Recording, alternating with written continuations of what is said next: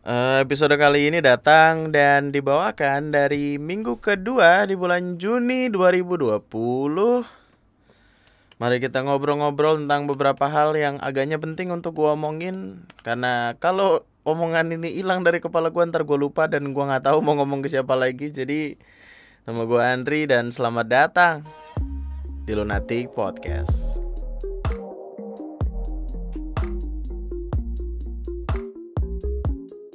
Men, lu tau gak sih sekarang yang ada di pikiran gue? Gue mulai mengganti resolusi tahun 2020 gue Yang awalnya resolusi 2020 gue ada banyak kayak Kayak katakanlah YouTube gue 1 juta subscribersnya amin. Terus uh, podcast makin jaya amin. Yang mana juga itu tentu susah karena karena jarang update terus ya katakanlah hal-hal baik lainnya gitu. Itu semua jadi kayak hilang dari dari list gua. Dan gua gantikan dengan survive sampai tahun 2021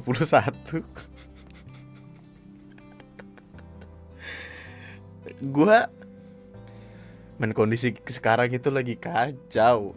Gua menghilangkan semua list itu dengan dengan landasan fuck it lah yang penting gue selamat sampai tahun depan at least. Tapi jangan sampai tahun depan doang sih ntar sedih ntar sampai tahun depan doang nyawa gue maksudnya kayak at least gue bisa bertahan sejauh mungkin. Ya umur gue sampai 70 80 tahun gitu. Gue bisa selamat dari semua wabah yang akan terjadi ke depannya karena kita nggak tahu juga. Resolusi tahun 2020 adalah selamat dan hidup. Berhasil melewati ini semua apa itu subscriber? Apa itu podcast? Ah. Anyway apa kabar semuanya? Semoga kita semua tetap dalam perlindungan Tuhan yang Maha Esa. Tetap hidup meskipun cuma ngabisin oksigen.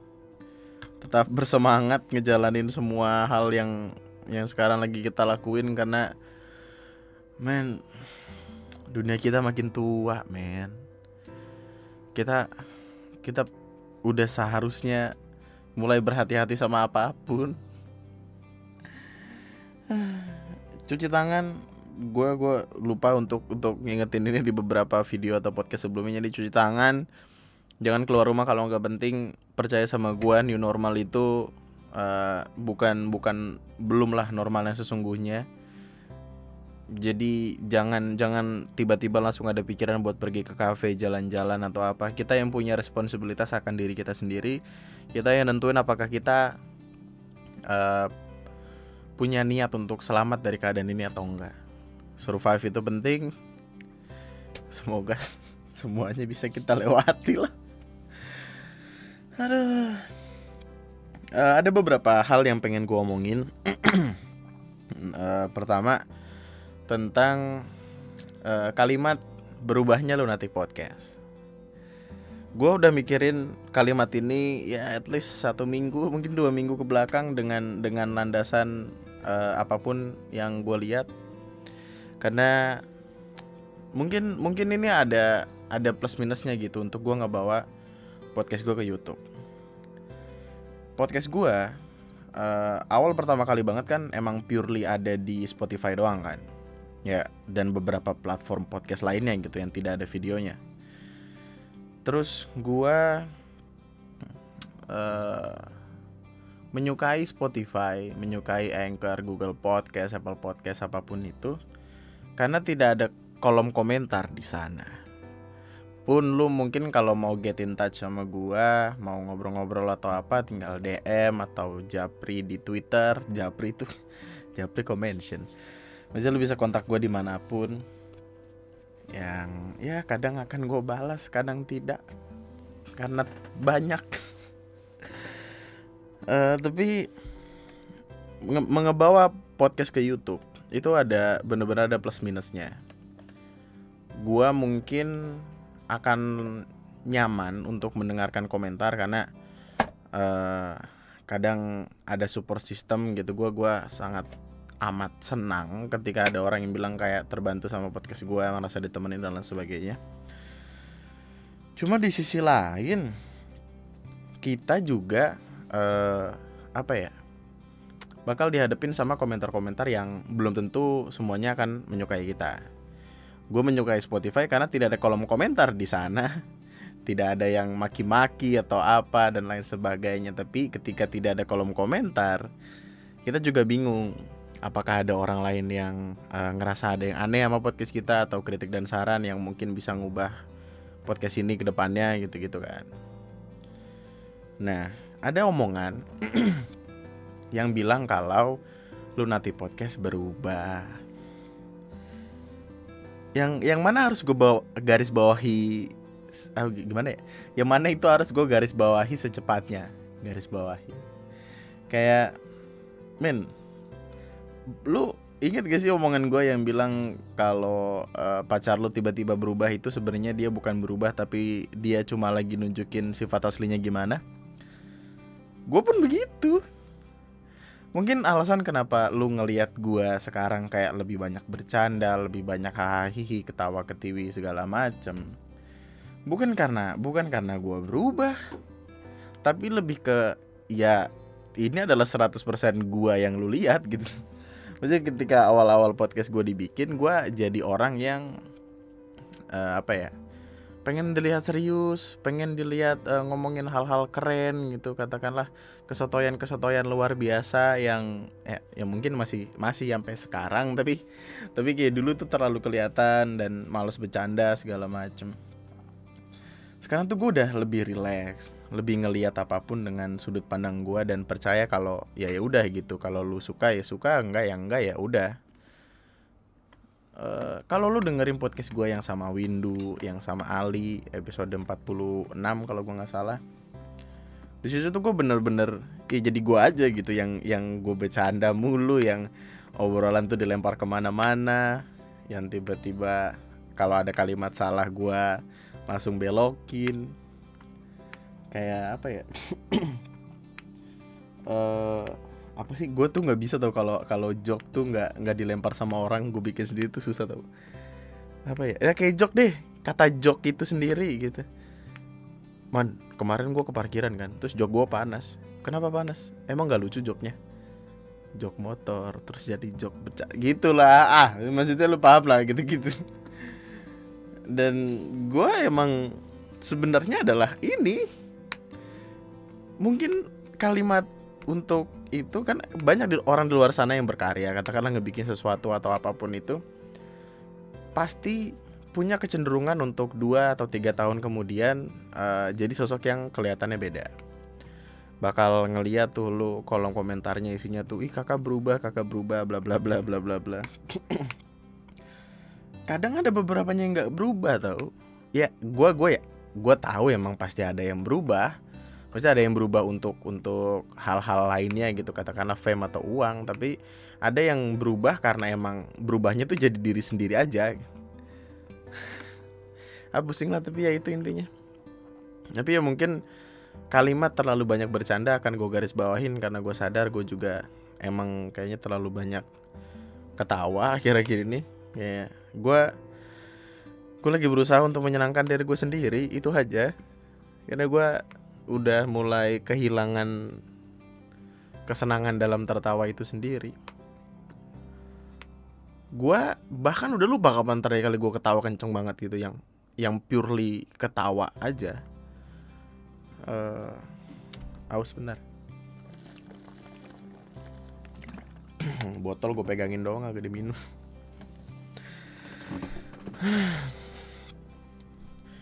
2000 2015 16 itu gue kalau ngeliatin stand up comedy gue masih ketawa tau. Maksudnya kayak gue gue mengamati itu sebagai show aja untuk ngeliat dan untuk gue tertawa tertawa kan kenapa gue kadang suka ngeluarin kata-kata baku banget ya?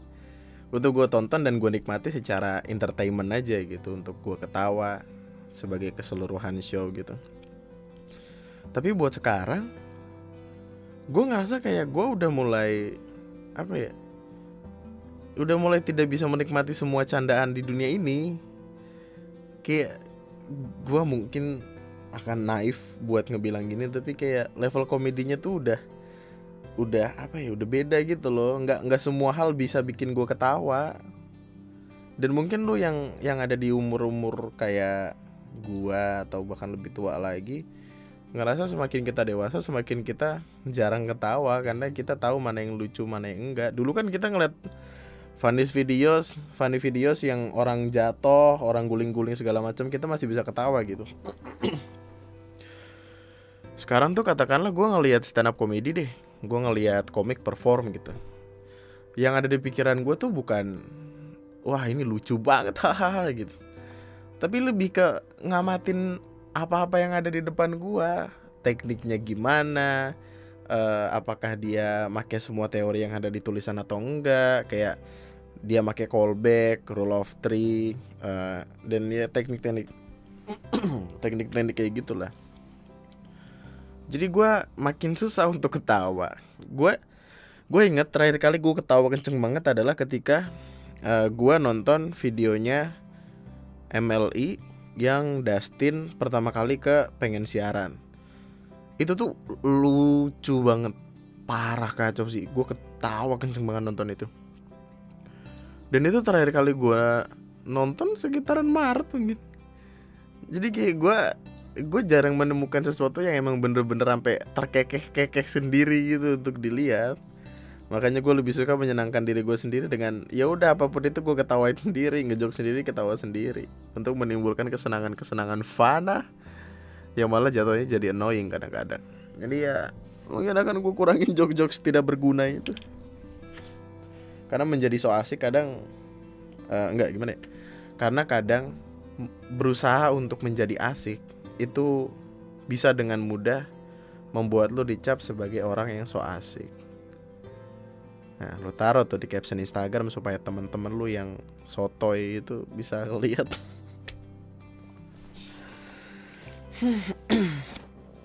uh, terus ada ada satu hal yang gue pikirin banget karena tragedi ini, ini cukup cukup menjadi sebuah tragedi sih.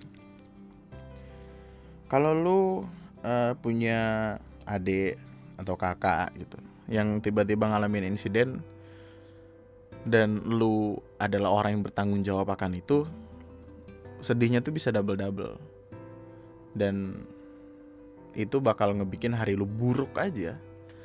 Buruknya bukan karena bukan karena lu sadar lu bikin salah gitu. Lu lu nggak ada salah apa apa di situ. Cuman karena karena lu adalah orang yang bertanggung jawab dalam keluarga itu bakal ngebikin pikiran aja dan pikiran itu nggak bisa hilang. Adik gue uh, tiga hari yang lalu gue ingat karena hari ini tadi kontrol pagi-pagi. Tiga hari yang lalu uh, adik gue tinggal gitu sendirian di rumah. Itu juga nyokap gue nggak tahu pergi gue nggak tahu nyokap pergi gitu. Jadi intinya yang gue tahu adik gue sendirian di rumah. Gue taunya pun setelah insiden itu terjadi. Tiba-tiba uh, pagi-pagi adik gue nelpon waktu itu untung keadaannya gue lagi bangun karena biasanya gue tidur jam jam 6 jam 7 pagi kemudian uh, bangun mungkin sore gitu ngejalanin hidup kayak kelelawar. Ada gue nelpon panik gitu nadanya nangis nangis beh langsung gue sepeda kenceng bawa balik ke rumah karena kantor sama rumah nggak terlalu jauh kan. Terus waktu gue lihat di rumah men darah ada di depan kamar mandi sampai ruang tamu. Bener-bener bener-bener kayak kacau banyak banget. Itu gue langsung panik. Uh, adik gue gue lihat ternyata jadi dia intinya tuh uh, nyuci piring gitu tapi nyuci piringnya di kamar mandi. Dan itu juga nggak nyuci piring kali cuman cuman di siram air digosok-gosok gitu doang. Keluar kamar mandi jadi di, di depan kamar mandi gue itu kayak ada tangga gitu loh satu tangga gitu. Karena emang takut banjir kan banjir nggak pengen air masuk kamar mandi. Jadi kamar mandi gue ditinggiin di depannya dikasih tangga gitu. Adik gue kepleset di tangga itu. Kepleset tapi tangan kanannya itu megang uh, mangkok mangkok beling gitu mangkok.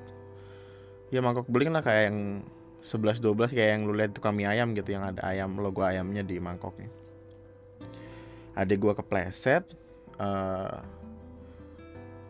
terus mangkoknya ini mental gitu ke atas mangkoknya kena tangga yang tadi tangga semen itu tadi terus tangannya robek bener-bener robek gitu loh kebelah gitu di di sela-sela antara telunjuk sama jempol.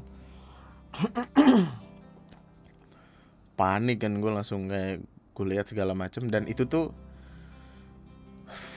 ngebikin gue sadar kayak gue bener-bener nggak tahu lagi rumah itu bentukannya apa karena gue udah terlalu sering di kantor kan. Karena nggak ada yang jagain kantor gitu. Ini gue lebih sering di kantor aja gitu buat ngejagain sampai akhirnya gue lupa rumah gue nih kondisinya kayak apa. Waktu itu nyariin tisu aja nggak ketemu. Gue pakai anduk buat ngituin tangan akhirnya karena saking paniknya. Darahnya ngalir terus cuy. Akhirnya ada dan itu jam setengah enam pagi. Sekitar setengah enam pagi langsung gue bawa ke puskesmas dijahit dijahitnya ada di di bagian sela-sela antara jempol sama telunjuk itu ada empat kalau gue nggak salah. Tiga atau empat gitu terus di jempol ada satu lagi. Jadi ya kalau nggak salah lima lah lima jahitan. Waktu dijahit juga gimana ya kayak gue inget ketika adik gue dulu uh, sempat tipes sakit kuning gitu terus dibawa ke salah satu rumah sakit di daerah Jakarta. Terus di infus tapi infusnya tuh apa ya? Susah nyari nadinya gitu loh. Dan itu jadi kayak berkali-kali ditusuk-tusuk gitu dijarumin kiri kanan kiri kanan gitu. Men nangis gue ngeliatnya. Maksudnya kayak adik gue waktu itu adik gue masih bocah banget loh. Nangis gue kayak gak rela aja gitu. Maksudnya lu profesional lah. Se sebegitunya gue nggak tahu sih ada struggle apa gitu. Apakah apakah adanya susah ketemu atau gimana. Tapi itu ada tujuh atau delapan kali men. Se uh, anjing lah. Terus langsung ingatan ingatan ketika gue di puskesmas apa adek gue tangannya dijahit itu ngebawa gue ke kejadian beberapa tahun lalu itu yang yang adik gue tipes terus ya udah jadi jahit. Diperban segala macem balik ke rumah darahnya udah kental gitu dan nempel sama apa ubin. Ngepel gue waktu ngepel tuh kayak gue sadar men kayaknya gue udah terlalu terlalu jauh dan ninggalin rumah. Kayaknya gue udah terlalu nggak peduli sama rumah sampai bahkan gue nggak punya waktu gitu untuk bener-bener ada di sana. Dan gue bisa lebih cepat nyampe di sana kalau gue di rumah. Gue sampai sampai kesel sama nyokap malah gara-gara nyokap tiba-tiba cabut pagi-pagi. Karena gue pikir uh, waktu waktu ade nelpon gue uh, waktu ade gue nelpon gue nyokap gue di rumah kan. Gue pikir yang paling lagi duduk sama nyokap gitu. Tapi gue tetap langsung naik sepeda ke sana. Nggak ada nyokap nyokap waktu balik gue langsung debat panjang tuh. Ngapain pagi-pagi copot segala macam nggak tahu urusannya apa lah. Semenjak saat itu gue jadi lebih sering di rumah. Lebih sering uh, apa ya? Pokoknya gue kalau tidur sekarang di rumah. Jadi kalau semisal gue uh, di kantor tidur tuh ya gimana ya? Jadi semisal kenapa-napa gue ada di situ gitu maksudnya dekat mereka. Jadi ketika ketika gue bangun eh, apa sih gimana sih? Jadi nggak fokus. Intinya ketika gue tidur gue dekat mereka. Ketika gue jauh dari mereka gue bangun supaya bisa cepat-cepat ke mereka gitu gitu itu nyadarin gue tentang seberapa berartinya rumah sih. Kayak kita ketika kita pergi terlalu jauh gitu sampai kadang lupa sama rumah kita butuh buat nyesel butuh buat sadar kalau ada penyesalan yang udah udah udah lu sesalin gitu. yang yang harus lu bayar buat sadar kalau ternyata lu udah kejauhan perginya adik gue tuh adalah apa ya pokoknya sosok yang paling gue perjuangin mungkin dari siapa pun. Kayak gue nabung pengen beli rumah juga supaya keluarga gue nyaman. Bukan berarti gue menomor dua kan nyokap gue tapi maksud gue nyokap gue udah gede gitu. Adik gue masih bocah masih perlu gue jagain segala macam gue bahkan nontonin banyak banget film. Supaya nanti ketika ketika adik gue nontonin film itu gue tahu mana yang harus dia tonton mana yang enggak. Mana yang pantas mana yang enggak apa pun itu kayak adik gue yang paling paling gue paling gue liatin lah gerak-geriknya gimana. Tapi ketika gue pindah ke kantor ini gitu gue jadi lupa lupa ngurusin segala macam gue selalu berpendapat kayak kalau yang penting dia butuh apa apa gue ada uangnya. Yang padahal harusnya bukan uangnya yang yang ada gitu tapi guanya dan di sisi lain gue nggak bakal bisa nyeritain ini ke orang lain dengan beranggapan mereka bakal ngerasain struggle yang sama. Karena gimana ya siapa pun yang lo ceritain siapa pun yang lo kasih tahu tentang struggle hidup lo yang di pandangan lo itu tuh keras banget itu tuh bikin lo sampai susah payah sampai nangis nangis segala macem lu nggak gimana ya orang lain yang lu ceritain itu nggak bakal paham gimana rasanya nggak bakal tahu rasa yang sama kayak yang lagi lu rasain. Gue men ancur-ancuran banget itu. Gila gue kesel sama diri gue sendiri waktu ngeliat tuh darah ke mana-mana.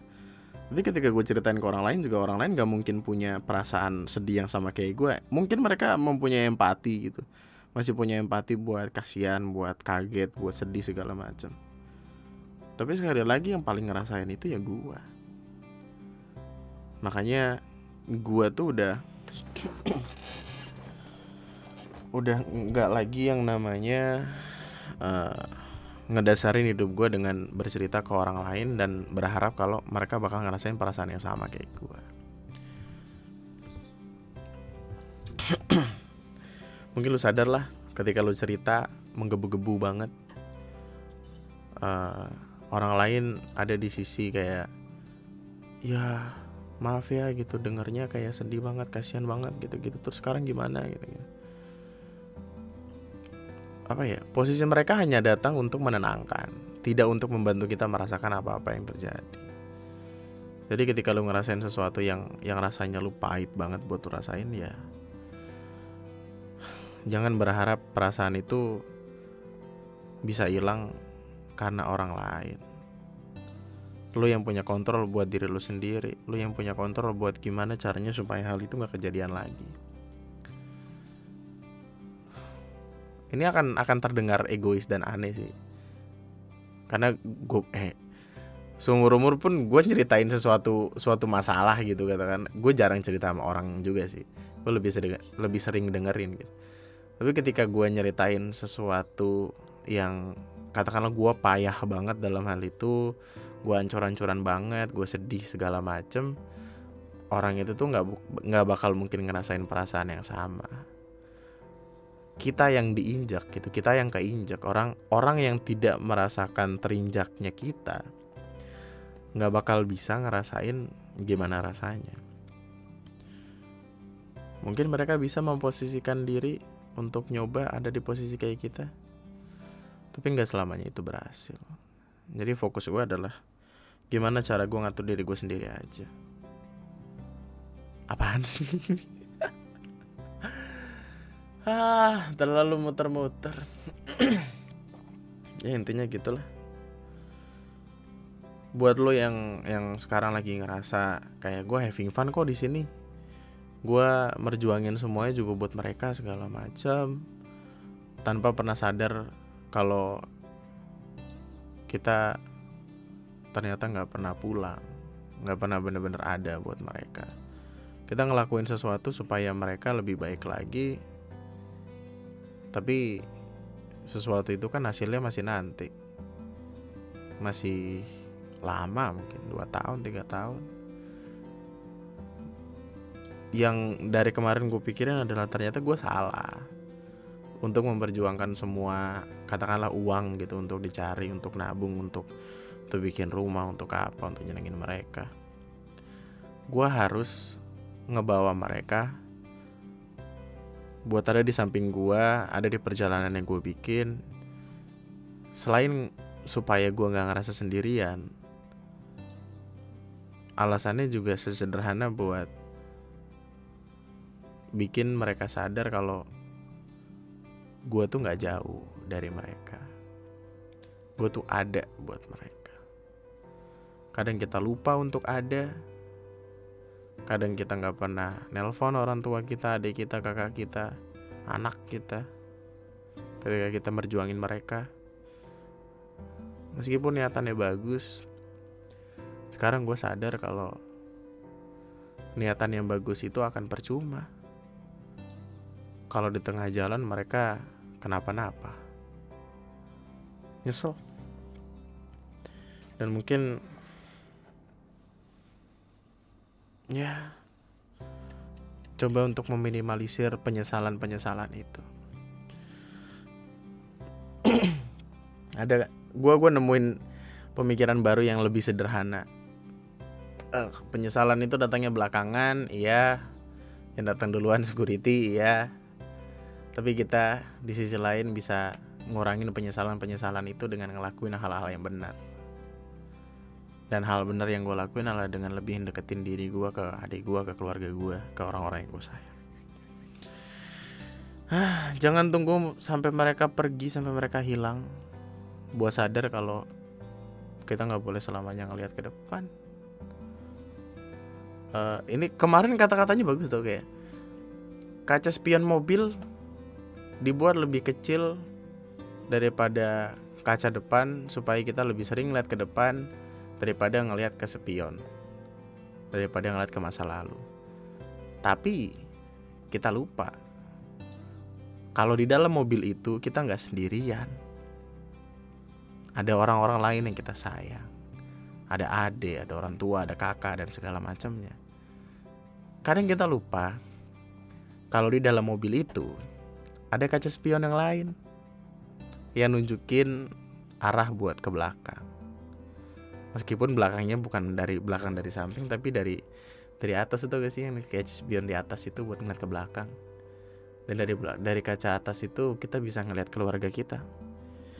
Yang lagi nyemangatin yang lagi nemenin dan lain sebagainya.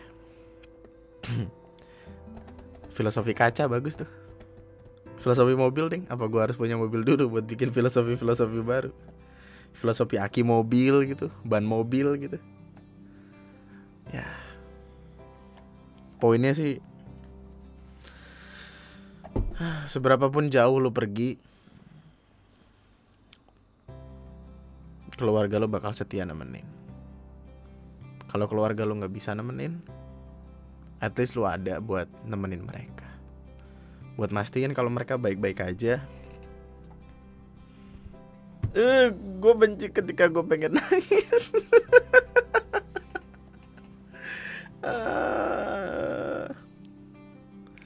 ya gitu itulah intinya lah. Itu baru gue sadar banget kemarin. Dan gue nggak pengen itu keulang lagi. Dan semoga itu tidak terjadi kepada siapa pun lo yang dengerin podcast ini.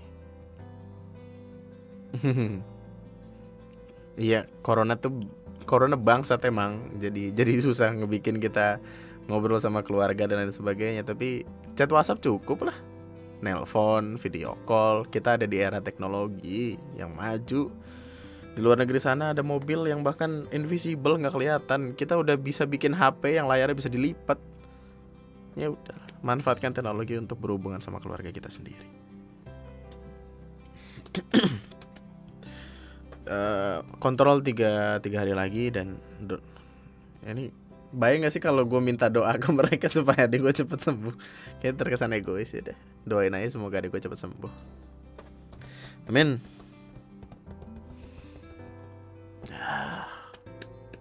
Gue gak tahu siapa lagi. Kayak poin gue yang gue datengin cuma dua itu. Mendatangkan nyaman Tidak akan menjadi nyaman. Ketika orang yang nyamannya sedang kita perjuangkan malah kesakitan di tengah jalan. ya itu aja lah. Obrolannya kayaknya akan gue taruh di 30 menit gitu. Hmm. Sorry delay, sorry telat. Karena se gimana ya? Sebagai manusia normal yang masih punya kehidupan dan struggle akan apa pun, hmm, kadang gue perlu ngurusin hal lain juga. Dan itu mungkin lebih penting dari apa-apa yang lagi gue perjuangin sekarang.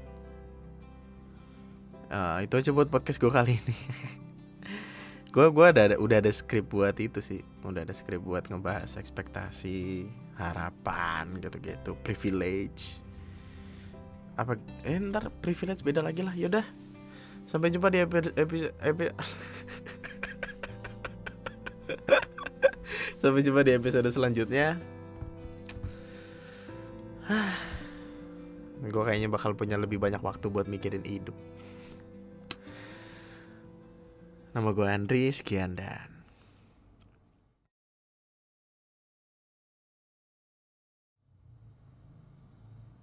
Eh btw kalau kalau lu nemu botol ah nggak jadi dah.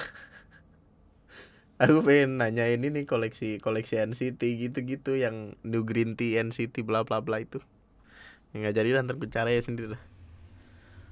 Uh, tetap sehat sehat sehat walafiat mantap anjing apa nih podcast begini ya udah